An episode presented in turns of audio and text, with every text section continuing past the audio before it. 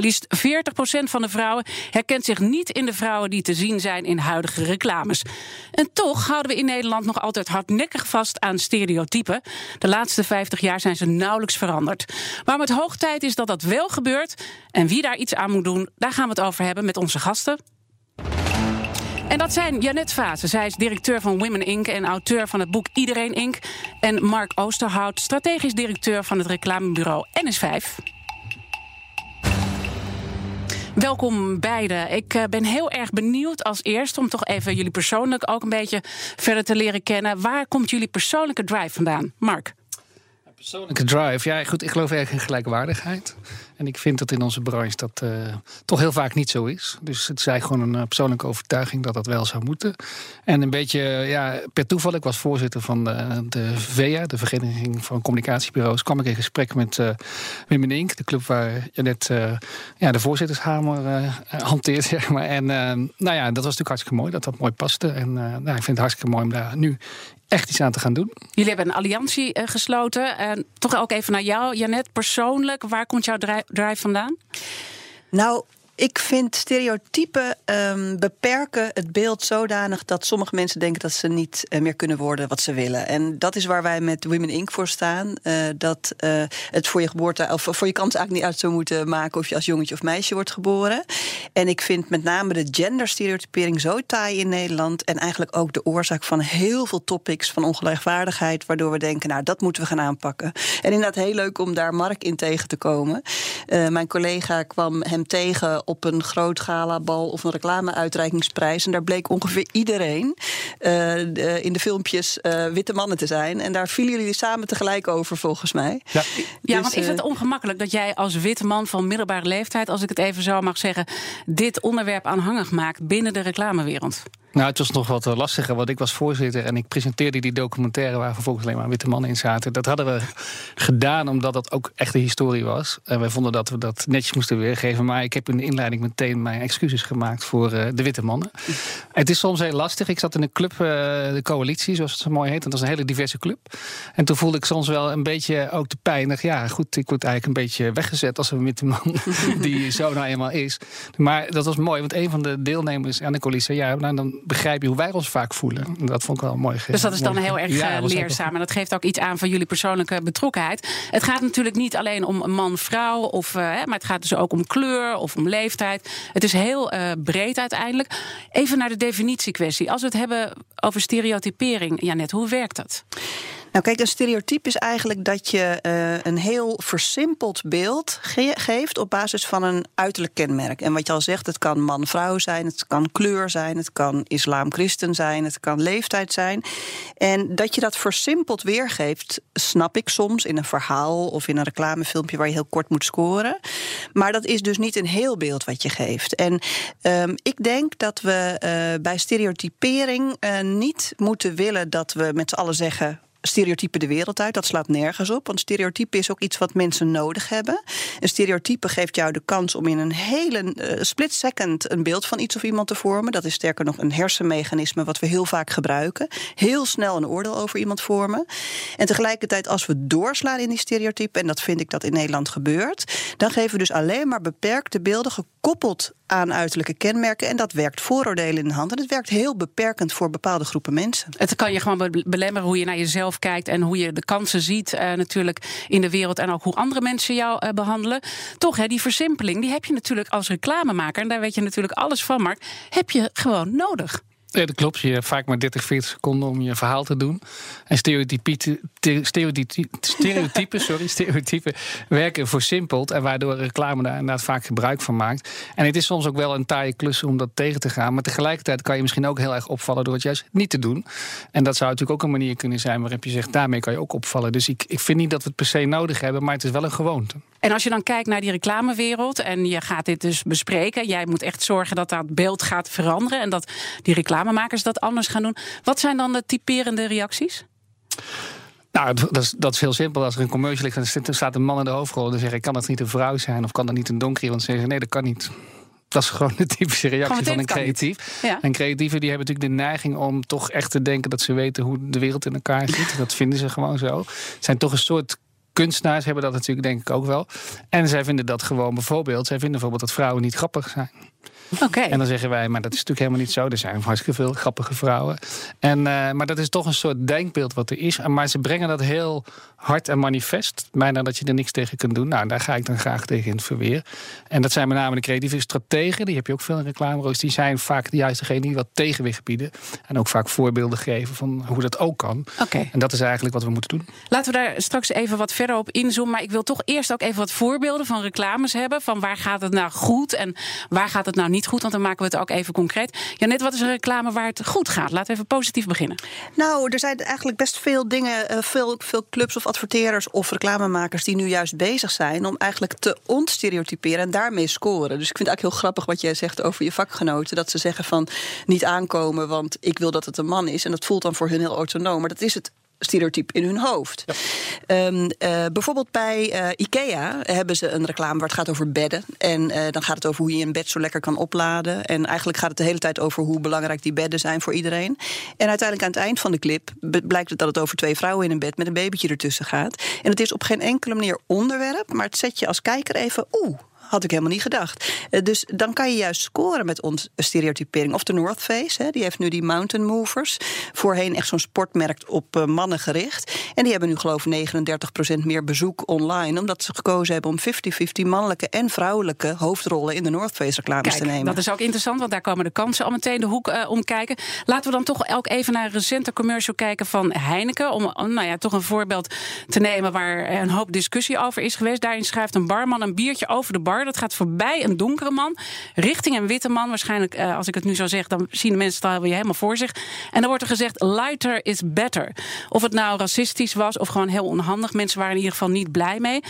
Een voorbeeld zoals het niet moet, uh, Mark. Ja, ik denk wel dat het een toevalstreffer is. Ik denk niet dat het zo bedoeld is hier. En maar het is natuurlijk een hele ongelukkige samenkomst van twee woorden, zou je kunnen zeggen. En de verbeelding die daarbij gekozen is. Dus ik vraag me af of dit het beste voorbeeld is waar dat gebeurt. Maar je ziet wel hoe gevoelig het onderwerp ook is. En dat is natuurlijk op een bepaalde manier ook wel goed dat het meteen ter discussie wordt gesteld. Ja, misschien wel. Ik bedoel, het is niet racistisch bedoeld, maar het gaat vaak ongemerkt, dit soort dingen. Hè? Dus daarin ja. is het denk ik wel ja. weer een heel goed voorbeeld. Uh, noem anders even een reclame van je zegt, dat is echt niet handig aangepakt. Dat is echt niet handig aangepakt. Nou, ik vind uh, jullie toch Ora-reclames uh, ja, horen. horen ja. Maar die zijn, uh, nou, dat, dat is bij uitstek stereotypering wat daar steeds gebeurt. En, en heel vaak de man, de, de, witte man in de hoofdrol die de grappen maakt. Maar ik denk, Jumbo is ook wel een voorbeeld waar natuurlijk nogal een stereotypering in zit. Overigens vind ik een hele goede actrice die dat doet. Maar tegelijkertijd is het wel zo dat het erg mannengrappen zijn natuurlijk. Dus in die zin gebeurt er toch wel heel veel. Vooral in de traditie. Terwijl het wel een beetje de baas in huis is. Want hij is een beetje de sul ja. die alles moet uitvoeren natuurlijk. Dus dat is wel net een iets ander beeld. Maar toch ja. zeg je. Ja, als je ziet in traditionele gezinsachtige situaties die in reclame veel worden gebruikt, dan zie je toch wel dat daar vrij traditionele rollen zijn in het algemeen. Ja, uh, uh, ik vind de Jumbo een, goeie, een goed voorbeeld. Omdat die zowel oude als nieuwe stereotypen eigenlijk in die familie weten te verweven. En bijvoorbeeld bij Vodafone hebben ze ook eigenlijk uh, meteen gekozen voor allemaal soorten gezinnen. Um, heel grappig vind ik wat jij zegt. Uh, ja, dat is dan een foutje geweest. Daar heeft even iemand over nagedacht. En dat is nou precies de kern. Dat is de kern van stereotypering. Dat er een bepaalde groep in een monocultuur een grap zit te verzinnen. Dat is ook waarom jouw collega's zeggen dat vrouwen niet grappig zijn. Omdat ze vooral hun eigen en elkaars grappen zo leuk vinden. Want grappen maken is iets sociologisch. Daarmee versterk je een onderlinge band. Dus als jullie die grappen van elkaar zo grappig vinden, ben je eigenlijk bezig de band te versterken. Misschien snappen jullie de grappen van anderen helemaal niet. Um, die monocultuur doorbreken is denk ik super belangrijk. Want wat nu heel vaak gebeurt, jij zegt het publiek is gevoelig. Heel vaak is er gewoon onvoldoende nagedacht bij het maken, bij het klankborden. En krijg je pas het rauwe reactie van het publiek als het oud in die open is. En dat zou ik als ik jullie was naar voren trekken. We hebben net al een aantal voorbeelden genoemd van reclames waar het wel goed gaat, waar het niet goed gaat. Waarom stereotypering ook functioneel is. Maar we moeten nu ook een beetje naar een uh, oplossing uh, gaan kijken. En uh, daarbij komen we toch ook uit op een van de sprekers die wij eerder hebben gesproken. Dat is Steven Alspeer. Hij is digitaal stratege en oprichter van Differenti.nl.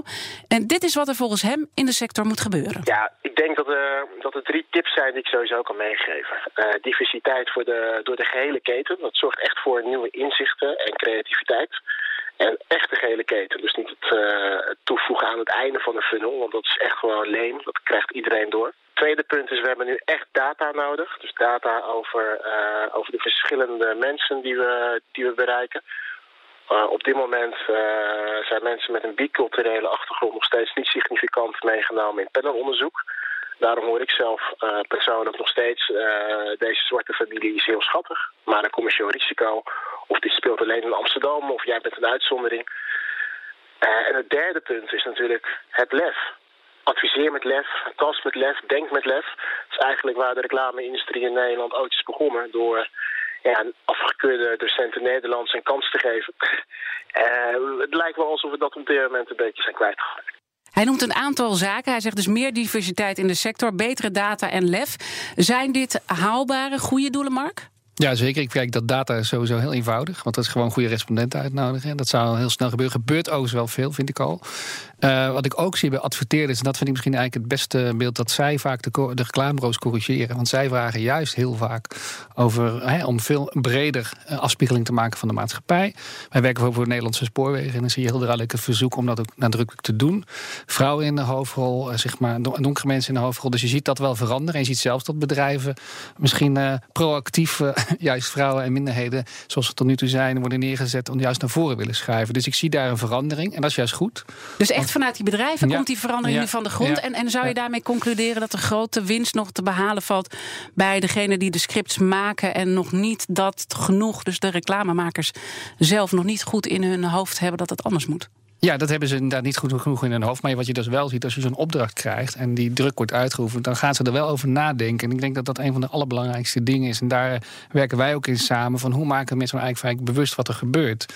Want zoals je net in het begin al schetste, het is natuurlijk een gewoonte, een routine waar mensen vaak niet in de gaten hebben dat het gebeurt. En we hadden straks even voor dat Heineken-film iets over zeggen. Ik bedoel ook, die gewoonte is zo vanzelfsprekend dat je eigenlijk denkt dat het normaal is. En ik denk dat het mooi is als bedrijven vragen aan bureaus om dat anders te doen, dat ze dan in ieder geval gaan nadenken. En dat is ook het traject waar wij met z'n tweeën eigenlijk op dit moment hard aan werken. Ja, echt erover nadenken en dus wat voorbeelden noemen ook, waardoor je het nou, goed duidelijk kan maken waar het misgaat. Het is wel mooi dat dit nu vanuit die bedrijven komt. Ik zet mezelf natuurlijk ook heel erg in voor meer diversiteit uh, in de media, meer culturele diversiteit ook. En mijn stokpaardje is altijd op het moment dat mensen dit niet gaan doen, dit niet gaan omarmen, bedrijven dit niet gaan doen, ga je klanten kwijtraken. Ja, ja en dat is dus ook leuk. Eh, de, de coalitie die Mark al een paar keer noemt, is de coalitie Beeldvorming in de Media. Waar mediamakers, maar dus nu ook zelf reclamemakers zijn aangeschoven. Ik denk dat het inderdaad alleen gaat werken, wat jij zegt, als mensen het strategisch belang voor zichzelf zien. Kijk, politiek correct, dat is leem, hè, wat je, uh, de man van het quote al zei. Ik ben toevallig een vrouwenorganisatie, dus ik ben vanuit moreel standpunt hiermee bezig. Ja. Hè. Het is toch echt ongelooflijk als je als vrouw alleen maar jezelf steeds in een, in een lieve, verzorgende, emotionele rol ziet en nooit als expert op tv. Uh, als je zelf als bedrijf niet ziet wat je eraan hebt, ga je het toch niet doen. En dan wat Mark al aanstipt, is denk ik een hele interessante. Moet het initiatief nou liggen bij de adverteerder, de opdrachtgever, of moet het initiatief liggen bij het bureau, de creatief? En nu lijkt het alsof het vaker inderdaad vanuit de markt komt. En ik denk dat er uh, voor creatieve bureaus ook echt een let op, loop hierin niet achter, is uh, dat je hierop kan responderen. En ik denk juist hè, de open creatieve geest van de reclamemakers, die kunnen hier de allerbeste ja. grappen, nieuwe stereotypen, openende stereotypen in gaan verzinnen. Het kan echt een uh, kans zijn. Ja. Uh, ik wil straks de, de, reactie van Mark weten, maar misschien even goed om de minister ook hier te horen. Want redacteur Carlijn Meijner sprak vlak voor deze uitzending met minister van Onderwijs, Cultuur en Wetenschappen, Ingrid van Engelshoven, over wie nou de verantwoordelijkheid moet pakken. Nee, ik denk niet dat we hier aan regulering uh, moeten denken. Ik denk dat hier dat het echt het gezond verstand moet zegenvieren. En dat we echt uh, met elkaar uh, moeten willen dat het beeld wat uh, we op televisie zien, uh, wat we in bladen zien, uh, die we reclames zien, echt overeenstemmen uh, met hoe wij de samenleving van de toekomst willen in inrichten. En niet meer de samenleving uit de jaren 50 van de vorige eeuw uitstralen. Ligt die eindverantwoordelijkheid dan bij de sector zelf? Ja, die eindverantwoordelijkheid ligt echt bij de uh, sector. Die ligt bij adverteerders, bij reclamemakers, bij de media uh, zelf. Maar ik denk ook dat hun klanten, hun kijkers... Uh, straks echt niet meer continu die oude beelden willen zien... maar echt toch wel de, de, samenleving van nu, het gezin van nu... en liefst ook die van morgen willen zien. We horen dus net de minister zeggen, ze gaat niet ingrijpen. Hè. Er komen geen maatregelen. De sector moet het zelf uh, oppakken. Denk jij dat de sector, en dan met name waar de winst dus ligt bij de reclamemakers, de creatieven, ook echt uh, de noodzaak langzaam begint te ontstaan om het op te pakken? Ja, dat denk ik zeker. Kijk, het is altijd uh, natuurlijk even wennen als er nieuwe dingen moeten gebeuren. Maar ik vind daarom die coalitie heel belangrijk. Maar ik merk ook als ik die gesprekken voer met creatieven, en dat doe ik op dit moment veel, dan zie je ook dat het vaak een eye-opener is en dat ze het ook leuk vinden. En ik heb toevallig een recent voorbeeld. We zijn met een filmpje bezig voor de Nederlandse spoorwegen. Daar speelde een man een hoofdrol. Ik zeg, kan dat geen vrouw zijn? Nou, dat was even wat discussie, maar uiteindelijk werd het vrouw. En toen werd het bijna een lesbisch stel waar het over ging. Dus toen in één keer ontwikkelde zich een hele andere kant op. En dan zagen ze in één keer ook de kansen waar, eh, die daar dan liggen. En dat is natuurlijk mooi om te zien dat die kansen er wel zijn. En, uh, en dat, uh, ja, ik denk dat we dat gaan benutten. En nog even reagerend op uh, de minister. Kijk, wij vinden zelfregulering het allerbelangrijkste. Omdat we denken, als we dat doen, dan zijn we echt bewust van de dingen die we doen. Dat vinden wij veel belangrijker dan dat er wetgeving is. En uiteindelijk is het natuurlijk wel zo dat de minister, want Carlijn heeft langer met haar gesproken, dat ook de minister zegt: ik ga het monitoren. natuurlijk wel kijken wat er allemaal gebeurt. En dan kan je ook voorstellen dat zij op een gegeven moment wel met regels gaat komen als er echt te weinig verandert, uh, Janet. Ja, ik denk dat het ook heel erg klopt bij de rol van de overheid. Hè, dat ze aan de ene kant de vinger op de zere plek legt. Want anders krijgt zij al haar emancipatiethema's niet voor elkaar. Hè, zoals ongelijke beloning, vrouwen aan de top, de werkzorgverdeling in Nederland. We lopen echt internationaal flink achter. Het heeft allemaal met die extreme stereotypering in Nederland te maken. Het moeilijkste is nog in Nederland dat we denken dat we het zo goed doen. Je ziet ons in alle lijstjes onderaan bungelen. Maar we denken dat we heel tolerant zijn en helemaal niet stereotyperen. Dat is omdat dat wij tolerantie in ons vaandel hebben gezet. Mhm. Daarmee zijn alle discussies hierover ongemakkelijk. En dat vind ik heel mooi in de rol van Mark. Um, ook in die coalitie, hè, dan weggezet af en toe als de witte man. Uh, en daarop uh, reagerend hoe dat voelt. En dat dan weer kunnen meenemen naar zijn vakgenoten. Ik denk dat we heel erg nodig hebben rondom dit onderwerp om het ongemak te doorbreken. En dat vergt mensen die durven toegeven: ik doe zelf een stereotypering, ik heb er last van. Hoe kan ik het doorbreken? Open vragen stellen. En dat doet bijna niemand nu. En dan we leven dat je bepaalde woorden niet meer benoemt. Hè? Want we hebben het nu veel over reclames, maar ook in de media. Die we dan spreken over een vrouwelijke professor. Houd het vrouwelijk even weg. Ja. Want het is gewoon de professor. hè? Dus dat, dat, soort zaken zijn heel erg belangrijk. Dan moet je elkaar echt scherp inhouden. En ik denk ook voor die reclamewereld ook inzien dat het gewoon keiharde winst oplevert. Uit eerste cijfers van onderzoek van Unilever bleek al dat reclame zonder stereotypes 25% meer omzet en meer impact oplevert. Kijk, dat bedoel ik. Dat, uh, dus dat, uh, het gaat gewoon om de knaken, toch?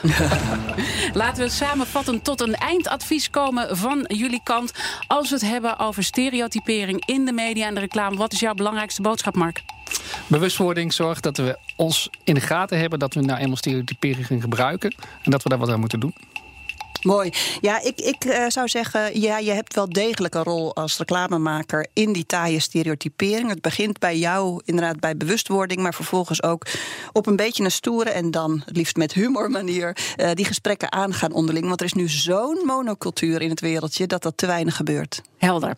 De beeldbepaler van de week tijd voor de beeldbepaler van de week. En daarvoor is aangeschoven redacteur Carlijn Meiners. Wat viel je op deze week? Ja, gisteren is uh, uh, Margriet van der Linden natuurlijk begonnen met haar talkshow M. Daarmee vervangt ze de wereldrijd door. Het was een pittig begin, want het was 25 graden volgens mij zo'n beetje overal. Dus iedereen zat op het terras.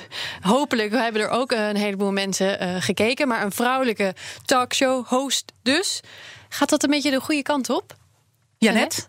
Nou, ik denk dat het een welkome aanvulling is tussen alles wat we op tv zien. Als je ziet aan al die talkshowtafels is nog maar 12% eh, vrouw.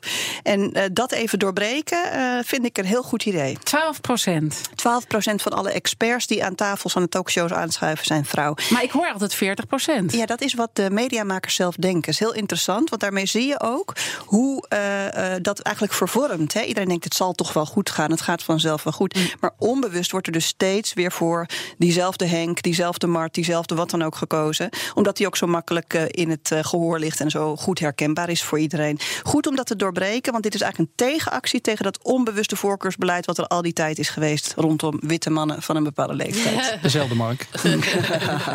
en als we kijken naar bijvoorbeeld de programmering, um, de soort, het soort programma's dat we voorbij zien komen, is dat dan nog representatief voor, voor wat het publiek wil zien? Wat bedoel je, de, het programma van Margriet van der Linden? Niet alleen zo'n soort talkshow, maar gewoon puur de programmering op het moment. Je, je, bedoelt of de mensen niet missen in de media dat er bepaalde programma's uh, ontbreken of bepaalde experts? Ik denk het wel. Ik denk dat je de, de, de hele uh, online eh, beweging, daar gaan mensen steeds meer zoeken waar ze zin in hebben. En af en toe afhaken bij de eenheidsworst die er is. Hoewel ik ook wel vind dat bijvoorbeeld de publieke omroep heel veel mooie onderwerpen juist over diversiteit aan het maken is hoor. Mark? Nou, en Eva Jinek. vergeten wij misschien even, maar het is natuurlijk toch. Uh, en Diana Matroos, niet te vergeten. Nee, maar er zijn natuurlijk best wel al, ook echt uh, hele sterke vrouwelijke persoonlijkheden. die volgens mij toch, vier ja, jaar doorgebroken. Ja, ja, een mooie ontwikkeling. Ik denk wel die experts, dat deed me even denken aan onze eigen branche. Dat er eigenlijk nog heel weinig vrouwelijke creatieven zijn. Dus het deel is het probleem hmm. ook in de sector zelf. Dat er eigenlijk te weinig vrouwen, denk ik, in onze sector werken. Althans, in het creatieve beroep. Dus daar zouden we ook wat aan moeten doen.